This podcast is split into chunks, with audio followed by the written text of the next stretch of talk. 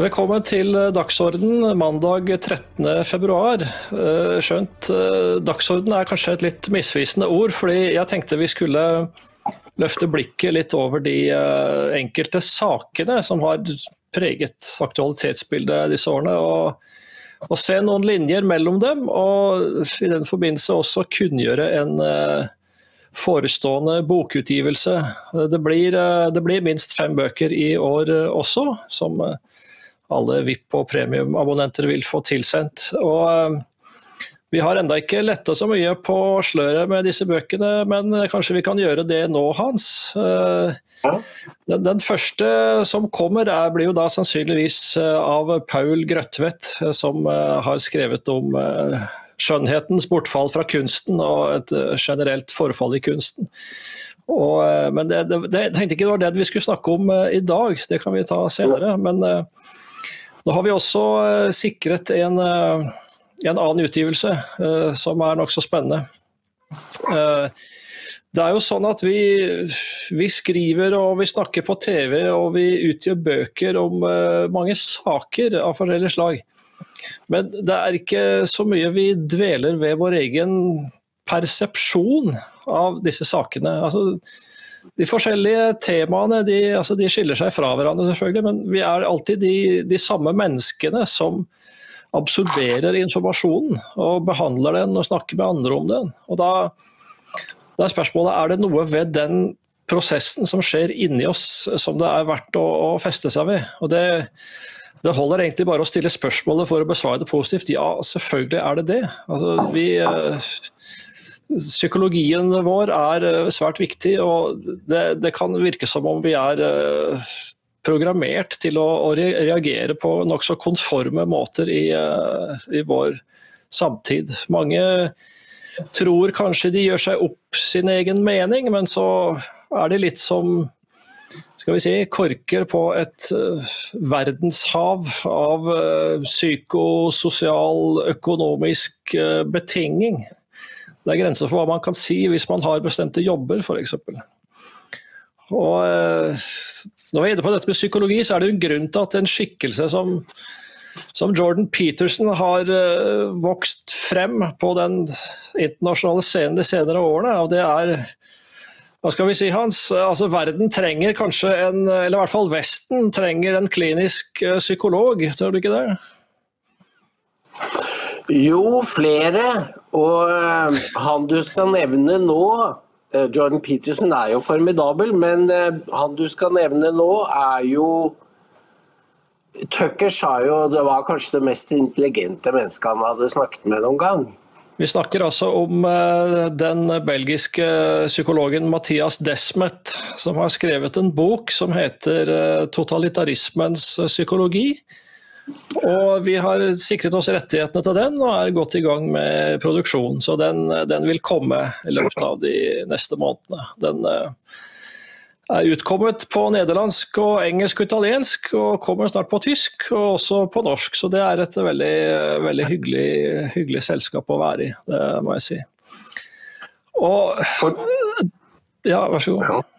Ja, for da gjør vi noe av det som eh, vi retter opp en unnlatelsessynd. For som jeg har sagt noen ganger, før så kunne man lese Aftenposten og være orientert om strømninger i ånds...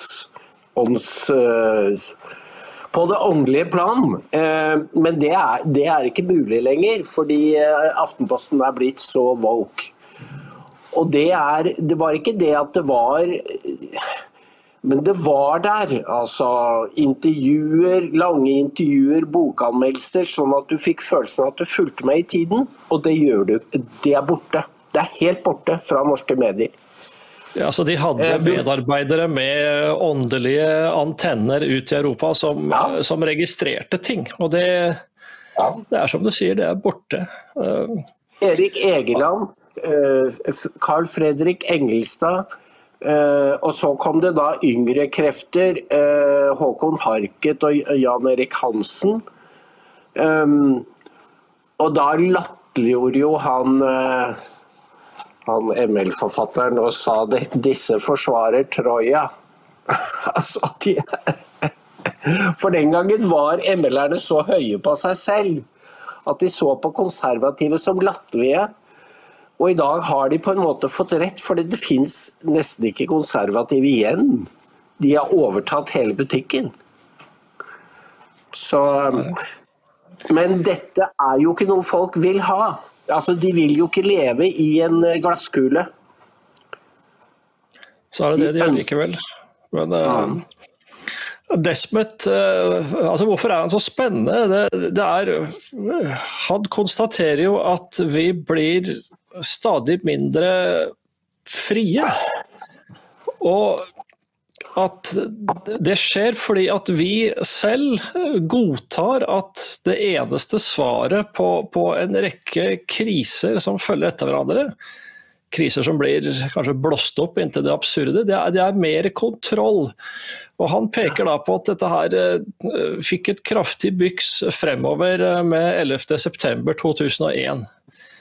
Terrorangrepene i, i USA, World Trade Center osv.